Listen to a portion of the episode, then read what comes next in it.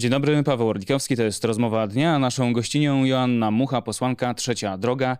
E, dzień dobry pani poseł. Dzień dobry, witam serdecznie. Nazywana jest pani najbardziej rozpoznawalną twarzą po Szymonie Hołowni. Nie czuje pani, że jednak trochę za mało jest pani eksponowana w ramach kampanii Trzeciej Drogi, poza odwiedzinami w mediach, tylko mówię o takich wiecach, spotkaniach z liderami, czyli Hołownią i Kośniakiem nie, nie, ja mam swoją robotę do wykonania w moim regionie. To, to jest region, który jest szczególnie istotny, bo te duże regiony, tam gdzie jest 15 mandatów, 16 mandatów, to są te, manda- to są te regiony, gdzie można rzeczywiście jeden, dwa mandaty e, odwojować PiSowi.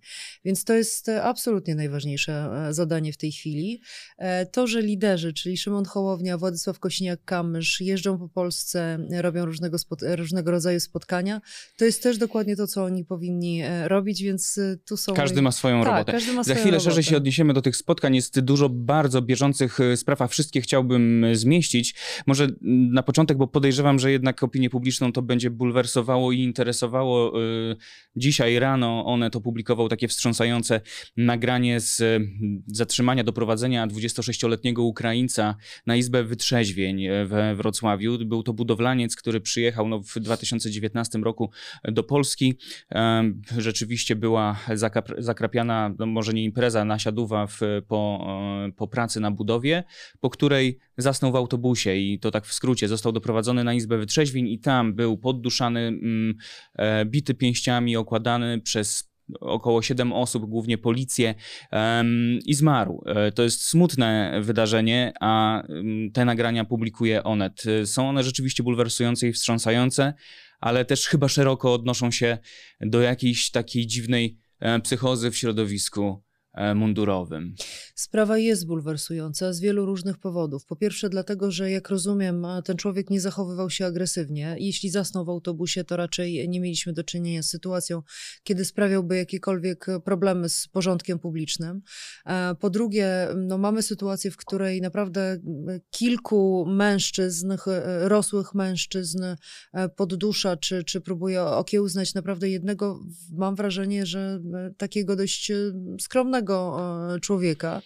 E, Wreszcie kwestia tego, że, że, znaczy, że, on, że on umarł. No ta, ta, ta siła użyta wobec niego e, była absolutnie nieproporcjonalna, mam wrażenie, widząc to nagranie w stosunku do problemu. I wreszcie ostatnia kwestia. E, Dwa lata o tym nie wiedzieliśmy. Mhm.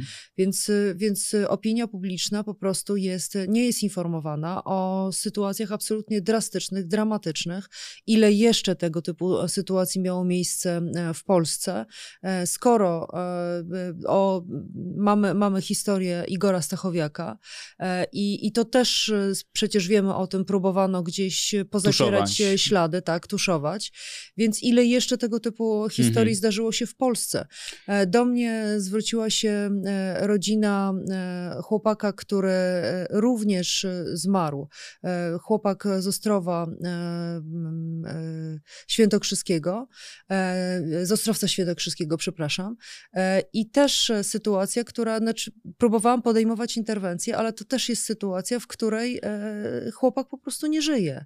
E, Więc y, będziemy musieli po przejęciu władzy tak naprawdę otworzyć te wszystkie archiwa i dowiedzieć się o wszystkich tego typu sytuacjach i naprawdę wyciągnąć konsekwencje, bo policja na, z całą pewnością nie jest od tego, żeby e, w sposób nadmiarowy używać siły wobec obywateli, czy swoich, czy obywateli, którzy znajdują się na jej terytorium, doprowadzając tych ludzi do śmierci. Używanie siły jest e, opisane w ustawie i jest dozwolone, ale naprawdę w bardzo ściśle określonych e, momentach, wtedy, kiedy jest to rzeczywiście konieczne. A ja też do, kamyczek do swojego ogródka, to też pokazuje, jak ważną rolę wolne media pełnią w Polsce i w każdym kraju na świecie, by patrzeć nie tylko władzy na ręce, ale też e, organom, różnym służbom i móc pokazywać takie historie. Ale proszę zauważyć, że nawet te wolne media, które jeszcze zostały w Polsce, dowiedziały się dwa lata po Mhm. czasie. Czy co, co oznacza, że te, te, te próby tuszowania, te próby e, zamiatania tego pod dywan, e, no jednak e, przynajmniej czasowo były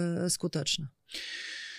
Ym, Afera wizowa e, coraz e, szerszy krąg e, zatacza, trafiła na brukselskie salony i mm, to jest też tak, że kultura polityczna w Brukseli mówi o tym, by nie zajmować się danym krajem w momencie, w którym trwa ta kampania wyborcza, ale w Brukseli słyszymy komunikat, że sprawa jest zbyt ważna, by się nią nie zająć, jak pani to widzi. No, mamy do czynienia z e, podważeniem jednego z absolutnych fundamentów Unii Europejskiej, bo strefa Schengen, wolny mhm. przepływ, przepływ ludzi, to, że możemy bez granic między, między państwami Unii Europejskiej podróżować, to jest absolutny fundament Unii Europejskiej, ale on jest pod warunkiem, że ta strefa jest, e, że tak powiem, granice tej, tej, tej strefy nie przeciekają, że ona jest szczelna. Natomiast nasz rząd, wszystko na to wskazuje, doprowadził do rozszczelnienia e, granic Schengen i to w sposób e, absolutnie obrzydliwy, bo e, sprzedając za łapówki e, nasze, nasze wizy. Proszę zwrócić uwagę na to, że e, jak to bardzo wielu specjalistów e, podkreśla, e, ci ludzie, którzy kupowali te polskie wizy, oni nawet nie musieli do Polski trafić, bo jeśli mieli na przykład lot przez Hamburg, czy przez mhm. którykolwiek inny, czy przez Berlin, czy przez Paryż, to oni po prostu już zostawali tam, oni już nawet do Polski nie przybywali. Proszę zwrócić uwagę na to, że wizy otrzymywali ludzie, wizy uczelniane, tak? czyli mhm. wizy do które miały świadczyć o tym, że ktoś chce się w Polsce uczyć. Mhm. E, ludzie, którzy nie znali nie tylko języka polskiego, ale również języka angielskiego, więc e, ja nie mogę sobie wyobrazić, w jakim języku chcieli pobierać naukę w Polsce, a mimo to otrzymywali wizy. E, proszę zwrócić uwagę na to, że, że pan Edgar K., E, który dzisiaj e, ma... Ja jeszcze wtrącę, tylko on jest mhm. wymazywany nawet z dokumentów, które pojawiają się na stronach rządowych, ministerialnych i były na przykład komunikaty, w których uczestniczył gdzieś i się wypowiadał, został wygumkowany, to też już dziennikarze tak. pokazują Orwell na naszych oczach. Orwell, ewaporacja to się nazywało tak. u Orwella, tak. takie wymazywanie, takie, takie wyparowanie właśnie mhm. a, a, konkretnego człowieka. Tak, Edgar K., który y, przecież y, dokonano prowokacji w stosunku do tego człowieka. CBA dokonało prowokacji. Prowokacji CBA e, nie wykonuje e, wtedy, kiedy nie ma naprawdę bardzo uprawdopodobnionych podejrzeń, że coś jest nie tak. I proszę też pamiętać, że to było, że, że jego zatrzymanie nastąpiło w kwietniu Czyli ja, ja naprawdę cały czas podkreślam w aferze wizowej ten, ten e, harmonogram zdarzeń. Mhm. Tak? On w kwietniu został zatrzymany. W maju pan Wawrzyk, pan minister Wawrzyk wysyłał e, maile do, do konsulatów, e, żeby jednak nie, nie, nie, nie nadawać specjalnego trybu tym, mhm. tym procedurom, że on jednak się z tego wycofuje. Po czym w czerwcu i w lipcu pan Wawrzyk normalnie przygotowywał się do kampanii wyborczej. Mhm. Czyli wiemy z tego harmonogramu, możemy przynajmniej mieć naprawdę głębokie przekonanie, e, że ta sprawa również miała być zamieciona pod dywan. Mhm. I gdyby nie to, że, e, że właśnie niezależne media po raz kolejny e, były w stanie ją pokazać, to mielibyśmy pana Wawrzyka, który kandydowałby do Sejmu i nic wielkiego by się z tego powodu nie działo. Więc jeśli ktoś mi dzisiaj mówi, że to było 200 tam 60 ileś tam wiz, to przepraszam, ale naprawdę chyba e, nikt e, inteligentny nie jest w stanie kupić takiej ściemy. Ktoś chyba zapomniał dodać e, tysięcy po Być może, po być może to były tysiące, ale znaczy, na, na, naprawdę się na chwilę przy tym zatrzymajmy. Dla, dla nas, dla, dla Zachodu, czy to jest Unia Europejska, czy to jest Kanada, czy to, jest, czy to są Stany Zjednoczone, czy Australia, problem nielegalnej migracji jest jednym z najważniejszych problemów naszych czasów, tak? Co oni robili? Oni legalizowali tę -hmm. nielegalną migrację, mm -hmm. tak? Wpuszczając do naszych, na, na, na te tereny, bo Jednocześnie przecież... prowadząc kampanię antyuchodźczą, antymigrancką. Tak, tak. Więc teraz pytanie jest, czy, znaczy oczywiście, że robili to, bo to już widać, dla kasy, tak? Mhm. Dla, dla łapówek. Ale pytanie, czy przy okazji nie chcieli um, osłabiać tego naszego e, świata, tak? Czyli e, Unii Europejskiej, Stanów Zjednoczonych. Proszę zwrócić uwagę na to, że ten szlak miał prowadzić, ten, e, ten ślad indyjski miał prowadzić do Stanów Zjednoczonych. Tak. Nasz najważniejszy sojusznik, od którego w, w, nie wiem, w ogromnej mierze zależy nasze bezpieczeństwo, to żebyśmy e, otrzymali pomoc wtedy, gdybyśmy byli e, zagrożeni. I paru gości, którzy chcą po prostu zarobić sobie trochę kasy, naraża ten sojusz w sposób naprawdę e, istotny, e, właśnie po to, żeby, żeby sobie trochę przytulić pieniędzy. Mhm. To są, na, znaczy, trzeba to powiedzieć wprost. Ci ludzie zagrażają bezpieczeństwu państwa polskiego. Oni są zagrożeniem dla państwa polskiego, bo narażają sojusze mhm. i bo e, robią dokładnie odwrotną e, robotę niż ta, którą. E... A z drugiej strony środowisko PiS pewnie ku chwale dalszej polaryzacji e, wykorzysta słowa mm, Lukasa Mandla z Europejskiej Partii Ludowej. Jest on niemieckim europosłem, więc jak rozumiem, za chwilę będzie to szybko podłapane przez e, obecny obóz rządzący i pewnie znowu odniesienie do tego, że to, że to wina Tuska. Ale ja zacytuję słowa słowa pana Lukasa Mandla, europosła, który stwierdził, że Polska przecierpiała w swojej historii ze strony Rosji, słusznie ostrzega przed Putinem, jednak rząd RP nie jest gotowy do współpracy w Unii Europejskiej, by minimalizować skutki nielegalnej migracji. Tymczasem okazuje się, że to rząd polski wpuszcza ludzi do Europy, chociaż nie powinien. To rząd, któremu, którego nie życzę nikomu w Europie ani nikomu w Polsce. Tak napisał, przepraszam, powiedział Lukas Mandl. No trudno mi się odnosić, oczywiście nie znam całej tej, tej wypowiedzi, e, bo, bo, bo słyszę ją po raz pierwszy. E, są wybory, wydaje mi się, no, wybory bardzo, bardzo blisko przed nami. E, zapewne taką dobrą praktyką byłoby E, nie odnoszenie się bezpośrednio do sytuacji wyborczej podczas tej debaty. To teraz jeszcze wycieczka do przodu. Za chwilę ocenimy to, co było w weekend, ale w poniedziałek szykuje się debata w telewizji zwanej publiczną. Będę tak ją nazywał. Ktoś z trzeciej drogi będzie, pojawi się. Już dostali Państwo wytyczne, bo wiem, że o to się rozchodziło. Nie dostaliśmy, według mojej wiedzy jeszcze dotąd nie dostaliśmy zasad tych warunków, na których będzie toczyła się e, debata. E, Szymon Hołownia wczoraj mówił o tym, że wie, e, że te debaty telewizyjne w telewizji tak zwanej publicznej potrafią być już na, na poziomie tych warunków, w cudzysłowie mówiąc, skręcone. Mhm. W związku z tym uzależniamy udział naszych reprezentantów od tego, czy te warunki będą równe. A może dogadać się i tylko niech PiS się pojawi, bo to tak w drugą stronę często przedstawiciele PiSu na przykład potrafią się nie Chyba pojawić. Ja raczej marzę o tym, żeby pojawili się wszyscy, żeby pojawili się liderzy wszystkich e, partii, e, wszystkich też partii opozycyjnych, e, dlatego że być może to będzie jedyna szansa na to, żeby ci ludzie, którzy mają dostęp tylko i wyłącznie do telewizji publicznej, usłyszeli prawdę, mhm. usłyszeli rzeczywiste nasze propozycje, a nie przepuszczone przez filtr propagandy i hejtu, który wylewa na nas telewizja publiczna.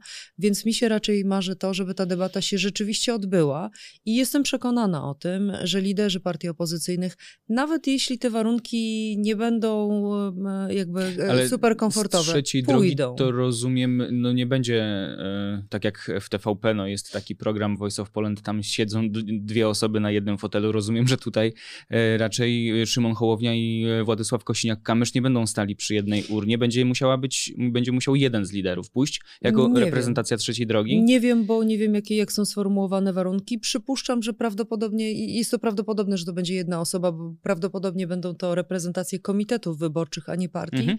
No ale my spokojnie sobie poradzimy i jeden z naszych liderów E, ewentualnie się znajdzie na tej debacie. A do sondaży jakoś się Państwo przywiązują? E, są takie, które pokazują około 9%, już ponad progiem dla e, jesteście jako koalicja, inne pokazują już nawet 12%, ale Nawet są, 13. E, ale są też takie, które pokazują, że e, na przykład jeśli 10 na trzecią drogę, to 7 na Polskę 2050, a 3 na PSL. To pytam, czy nie żałują Państwo, że jednak e, z PSL-em na pokładzie? Nawet gdyby tak było, nawet gdyby tak było, że to jest 3% i 7%, to proszę pamiętać o tym, że te 3% PSL-u to może być dokładnie ta liczba, która przeważy o wyniku wyborów. E, wynik wyborów, to żeby wygrać e, z PiSem jest absolutnie kluczowy i najważniejszy, e, więc jakby nie ma tu bardziej istotnego priorytetu niż to. Być może tych 3%, czy tych 4, czy 5, nie wiem ile, ile rzeczywiście ma PSL, zabrakłoby nam wszystkim wszystkim e, i, i nie mielibyśmy tego zwycięstwa. Ja dzisiaj jestem przekonana o tym, że opozycja, partie opozycyjne w tych trzech blokach e, idą po zwycięstwo. Apteczna matematyka trochę się szykuje. Państwo tak. też już w komitecie, czy po prostu w Polsce 2050 liczą, jak może wyglądać krajobraz parlamentarny od 16 października e, i czy czasem nie będzie też zakusów, by w tym okresie 30 dni do obowiązkowego zwołania posiedzenia Sejmu przez prezydenta, żeby PiS jeszcze zorganizował to dodatkowe posiedzenie i mhm. ewentualnie w starym Sejmie próbował poprzyjmować jakieś ustawy. Wie pan, e, oczywiście są takie pogłoski, e, ale pamiętajmy o tym, że PiS miał bardzo niewielką przewagę w Sejmie, w tym, który już przestał obradować. E, kilkoro z posłów, którzy tworzyli tę przewagę, nie znalazło swoich miejsc na listach PiSu. Kilkoro, widząc, że opozycja wygra, zapewne będzie się mocno zastanawiało nad tym, czy chce jeszcze PiSowi pomagać. Więc wydaje mi się to mało prawdopodobne, bo PiS w takiej sytuacji e, ryzykowałby, e, że zwołując ten Sejm i chcąc jeszcze przepchnąć kolanem jakieś dobre dla siebie rozwiązania, może nie uzyskać dla nich e, większości. Mhm. Więc wydaje mi się to pod wielkim znakiem zapytania, ale wykluczyć nie można. Przypomnijmy, że w 2019 roku rzeczywiście taka sytuacja miała miejsce, czyli taki Sejm, który został zwołany jeszcze Sejm starej kadencji po wyborze Sejmu e, nowej kadencji. To oczywiście nie była aż taką wielką zmianą, bo to już było po wyborach, które wygrał PiS, a teraz będzie to po wyborach, które przegra PiS. Mhm. Mm, ale tak czy inaczej, e, myślę, że prawdopodobieństwo takiej sytuacji e, jest niewielkie. Oczywiście pytanie jest o, no wygramy, no jestem przekonana o tym, że wygramy. E, mówi pan o aptecznym e, wyniku. Tak rzeczywiście może być, bo to może być jeden, dwa, trzy głosy przewagi. Pytanie, kogo pan e, prezydent y, nominuje do osoby, która ma tworzyć rząd. Mhm. Bo ja jestem przekonana, że niezależnie od tego, e, która partia polityczna będzie miała najwyższy wynik, czyli nawet wtedy, kiedy Platforma będzie miała najwyższy wynik, uważam, że pan prezydent pierwszy krok do sformułowania e, rządu zaproponuje przedstawicielowi PiSu. Mhm. I to jest moim zdaniem większe niebezpieczeństwo. Bo przypomnijmy niż... tylko, droga będzie wyglądała w ten sposób, że już po wyborach wyborach y, mm, ta y, formacja, która procentowo będzie miała największy y, udział w, w mandatach, będzie, miała, będzie próbowała utworzyć rząd. Jeśli w Sejmie no nie, nie, nie. nie, zdąży, nie da rady go utworzyć, no to wtedy prezydent będzie nominowany. Bo najpierw jest tak, że z Sejmu do prezydenta prezydent zatwierdza. Potem ten drugi krok jest taki, że prezydent nominuje i dalej może się on nie związać. Tylko, że prezydent rząd. nie jest w żaden sposób związany tutaj. Może nominować dokład, do, dowolną, absolutnie dowolną e, e, osobę. Mhm. W związku z tym e, moja teza jest taka, że pan prezydent, niezależnie od wyniku wyborów, będzie nominował kogoś, kto, kto reprezentuje środowisko Prawa i Sprawiedliwości. Dlatego myślę, że te pierwsze tygodnie po wyborach e, mogą być dość trudne i obarczone dość dużą e, dozą chaosu. To z pewnością. E, czy tak powtórka z tego, co już widzieliśmy, gdy posłowie, posłanki musieli państwo się barykadować w, w parlamencie, to aż taki chaos. Y, nie, nie, nie. Ja się zupełnie czegoś innego spodziewam. Spodziewam się właśnie tego, że nie będziemy, mm, e, że dość długo będziemy musieli czekać na to, żeby przedstawić y, wniosek o wotum zaufania mhm. E, dla takiego premiera, który będzie rzeczywiście miał szansę to wotum e, uzyskać. Czyli mieć większość parlamentarną. Czyli mieć większość parlamentarną Więc y, wydaje mi się, że to jest y, ten moment, znaczy to jest ten, ten problem, że, mhm. że to przejęcie odpowiedzialności za, za, za nasze państwo, za naszą ojczyznę trochę potrwa. E, trochę potrwa. Ale nie będzie można też ciągnąć takiego e, stanu no, nicości tylko mm, premiera, mm, czy pani premier, premierki z nazwy w nieskończoność. No, oczywiście. No. Tak, tak, bo tutaj są wyznaczone te, tak. te kroki e, w Konstytucji. Więc tak, tylko tak jak mówię, no ja bym chciała naprawdę, żeby, żeby to nastąpiło natychmiast po, e, po wygraniu wyborów, a obawiam się, że będziemy musieli trochę cierpliwości jednak e, wykazać. Mhm. Profesor Antoni Dudek wskazał, że wchodzimy w czas dwuletniej mm, destabilizacji politycznej w Polsce, polegającej na tym, że po ośmiu latach rządów e, PO-PSL-u, bardzo takiej stabilnej koalicji, później Prawa i Sprawiedliwości z tą stabilnością mniej, ale jednak 8 lat. Teraz będą takie dwa, w których no, może nie bez królewi, ale bardzo trudno będzie e, funkcjonować i przyjmować ustawy bo nawet jeśli opozycja będzie rządziła, no to będzie tam tyle ugrupowań, że kompromisy e, na kompromisie będą musiały się kłaść, by w ogóle coś przez Sejm przeszło. Nie wiem, dlaczego pan profesor Dudek mówi o dwóch latach, a nie o czteroletniej kadencji. To, to jest dla mnie zagadka. Rozumiem, że. E, stawia na przyspieszone wybory. Stawia na przyspieszone że wybory. wybory mhm. samorządowe i do Europarlamentu w mhm. przyszłym roku, plus prezydenckie, i że prezydenckie będą wektorem e, zmiany w społeczeństwie i wtedy będzie można wyklarować jakąś sensowną większość w parlamencie i przyspiesze, zorganizować przyspieszone wybory w 2025 Myślę, Myślę, że to jest e, za dalekie e, wychodzenie z tymi scenariuszami e, w przyszłość, dlatego że, że to po prostu tu jest zbyt dużo, za dużo czynników, żeby, żeby móc sobie pozwolić na takie scenariusze. Ja liczę oczywiście na to, że to będzie czteroletnia kadencja, której początek rzeczywiście może być trudny, ale że to będzie czteroletnia kadencja.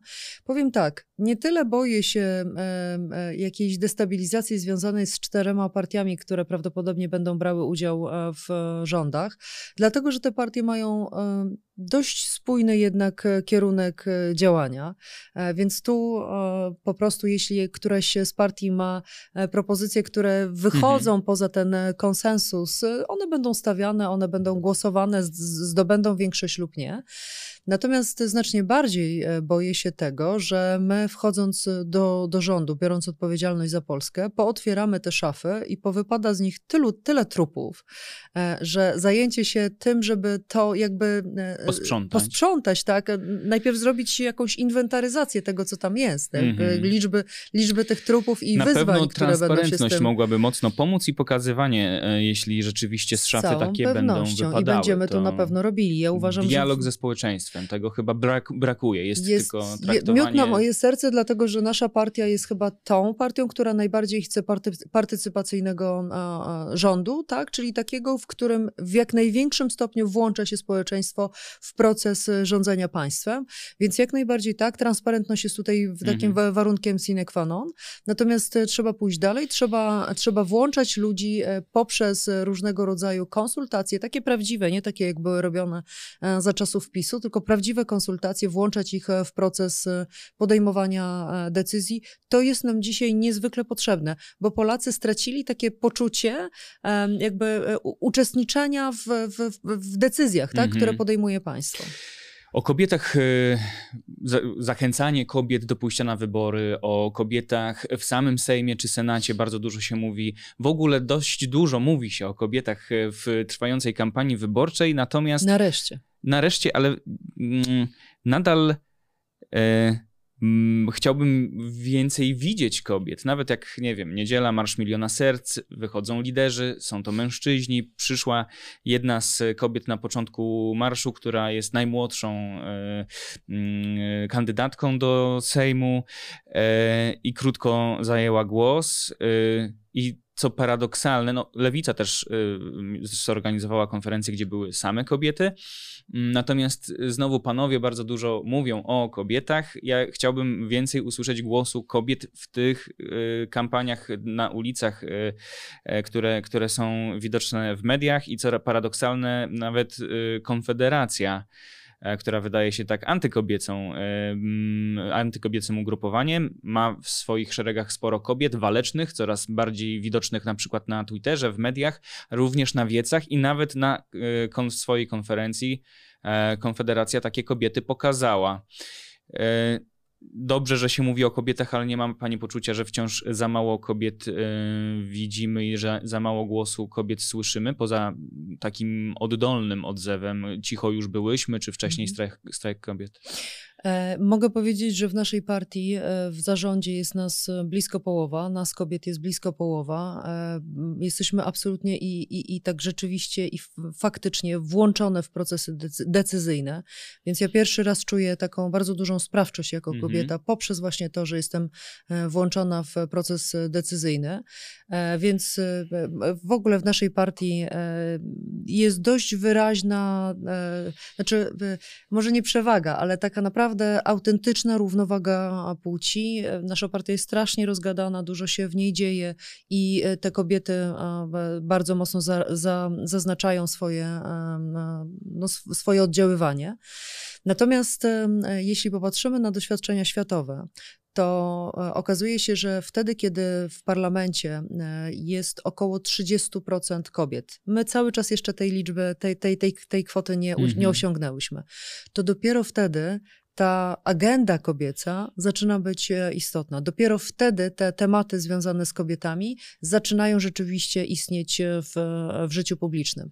I proszę zauważyć, w polskiej debacie publicznej bardzo mocno istnieje temat prokreacyjny, Mhm. tematy związane z, z właśnie z e, aborcją i tak dalej.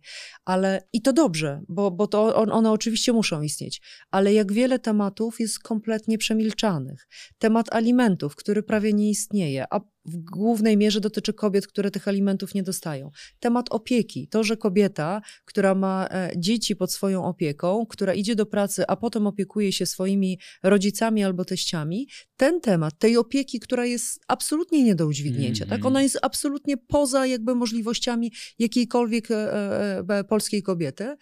Tego tematu w ogóle w debacie publicznej nie ma. Proszę po- pomyśleć o tym, że e, szacuje się, że w Polsce między milion a dwa miliony kobiet cierpi na endometriozę Mhm. i nie ma możliwości leczenia się. I ten temat w ogóle nie istnieje. Milion, załóżmy tą do, do, dolną kwotę, Tak. milion ludzi, milion kobiet i tematu w ogóle, w ogóle nie ma. E, Kwestia gwałtów, tak? 30 do 60 tysięcy gwałtów rocznie, o których e, mówią e, środowiska kobiece i jakaś drobna część tych ludzi, która jest, gwałcicieli, która jest skazywana i to najczęściej na karę około trzech lat więzienia wychodzi po półtora roku i tak dalej, i tak dalej.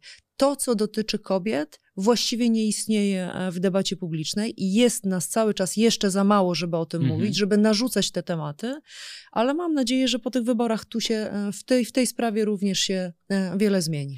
Jest was więcej, jesteście silne. Mówię tak pewnie nawet dużo bardziej niż mężczyźni, którzy cały czas próbują układać te klocki rządzenia. E, Takich fajnych, sprawczych e, i mądrych kobiet brakuje nam e, w przestrzeni publicznej tak w ogóle. Mam nadzieję też, że ten trend będzie się zmieniał nie parytetowo, tylko po prostu ze względu A również dlaczego nie parytetowo?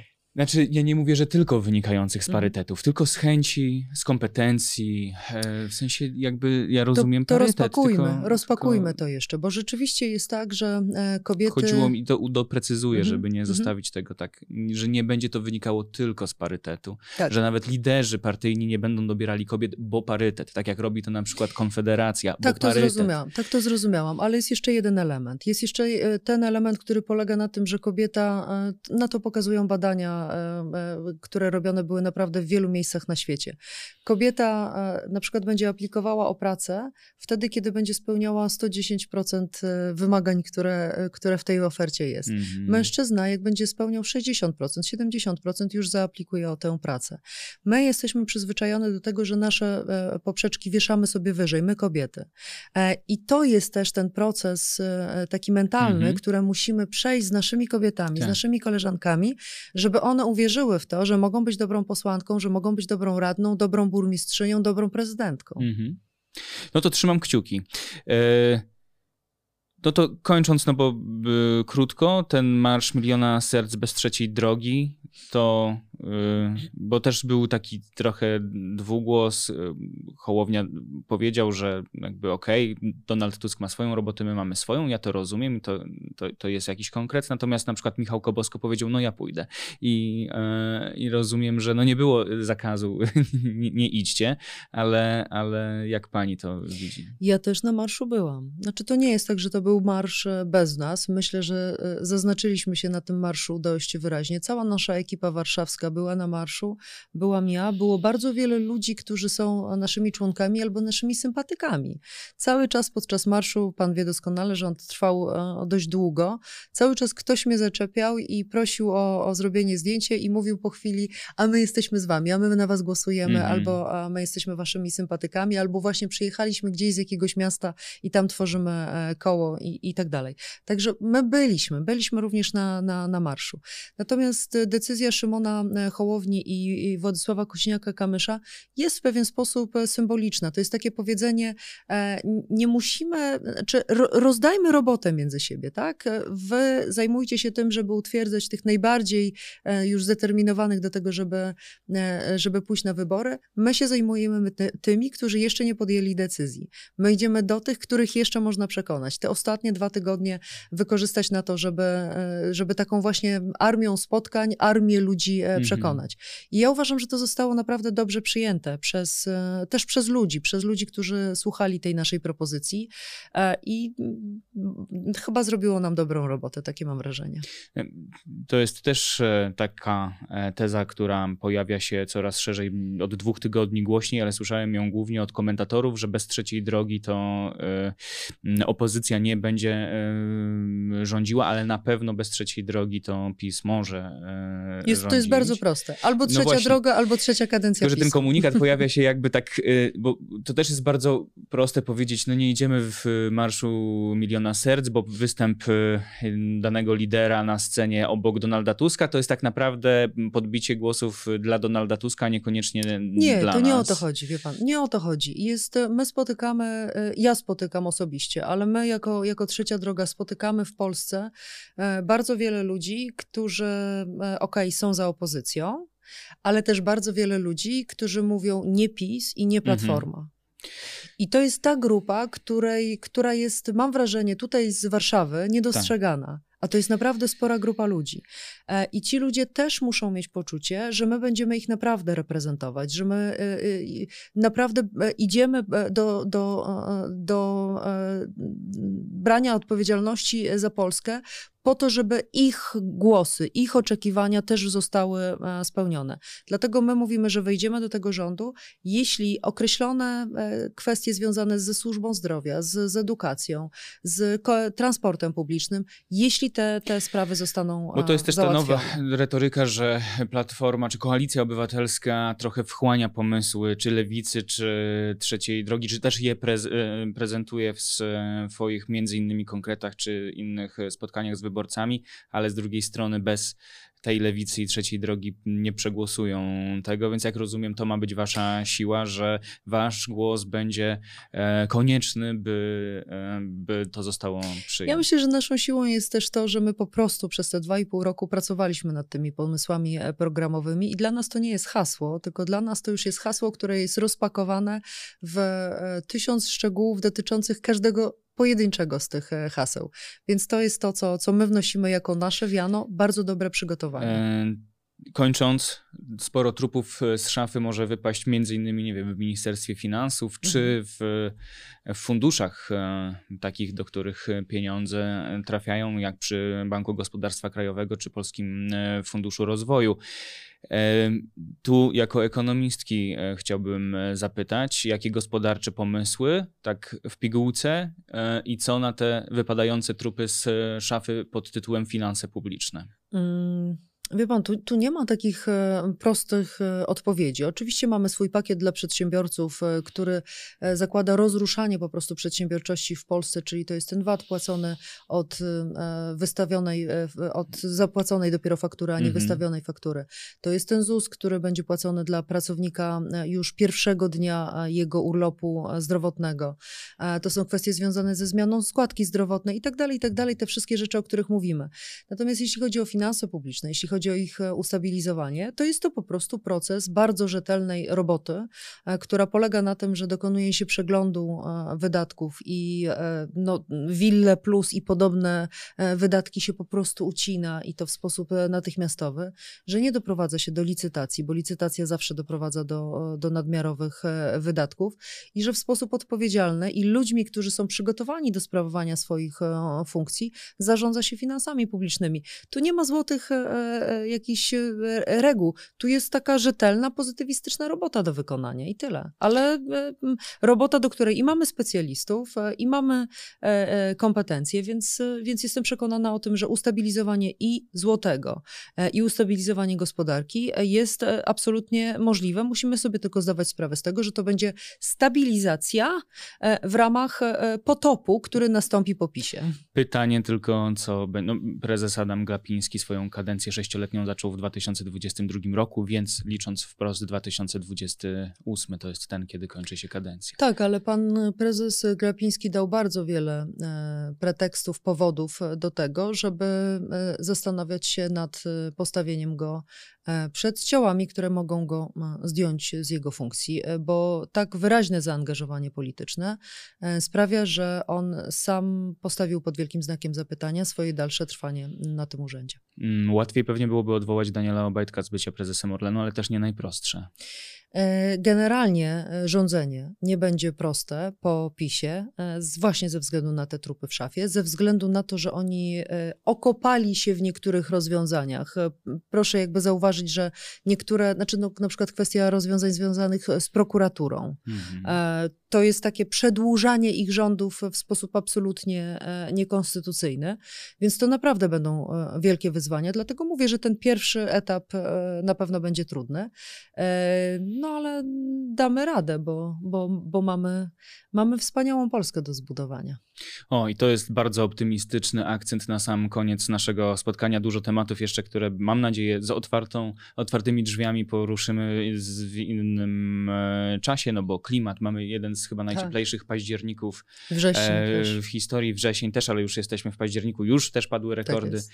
więc jest sporo rzeczy i tu do zrobienia, ale, ale o tym mam nadzieję, że następnym razem. Joanna Mucha, Polska 2050. Bardzo dziękuję. Miłego dnia. Dziękuję bardzo. Ja nazywam się Paweł I zapraszam do subskrybowania, komentowania e, i dzielenia się opiniami na temat rozmowy dnia, a do InPoland na rozmowy tygodnia już jutro. No, do zobaczenia, do usłyszenia.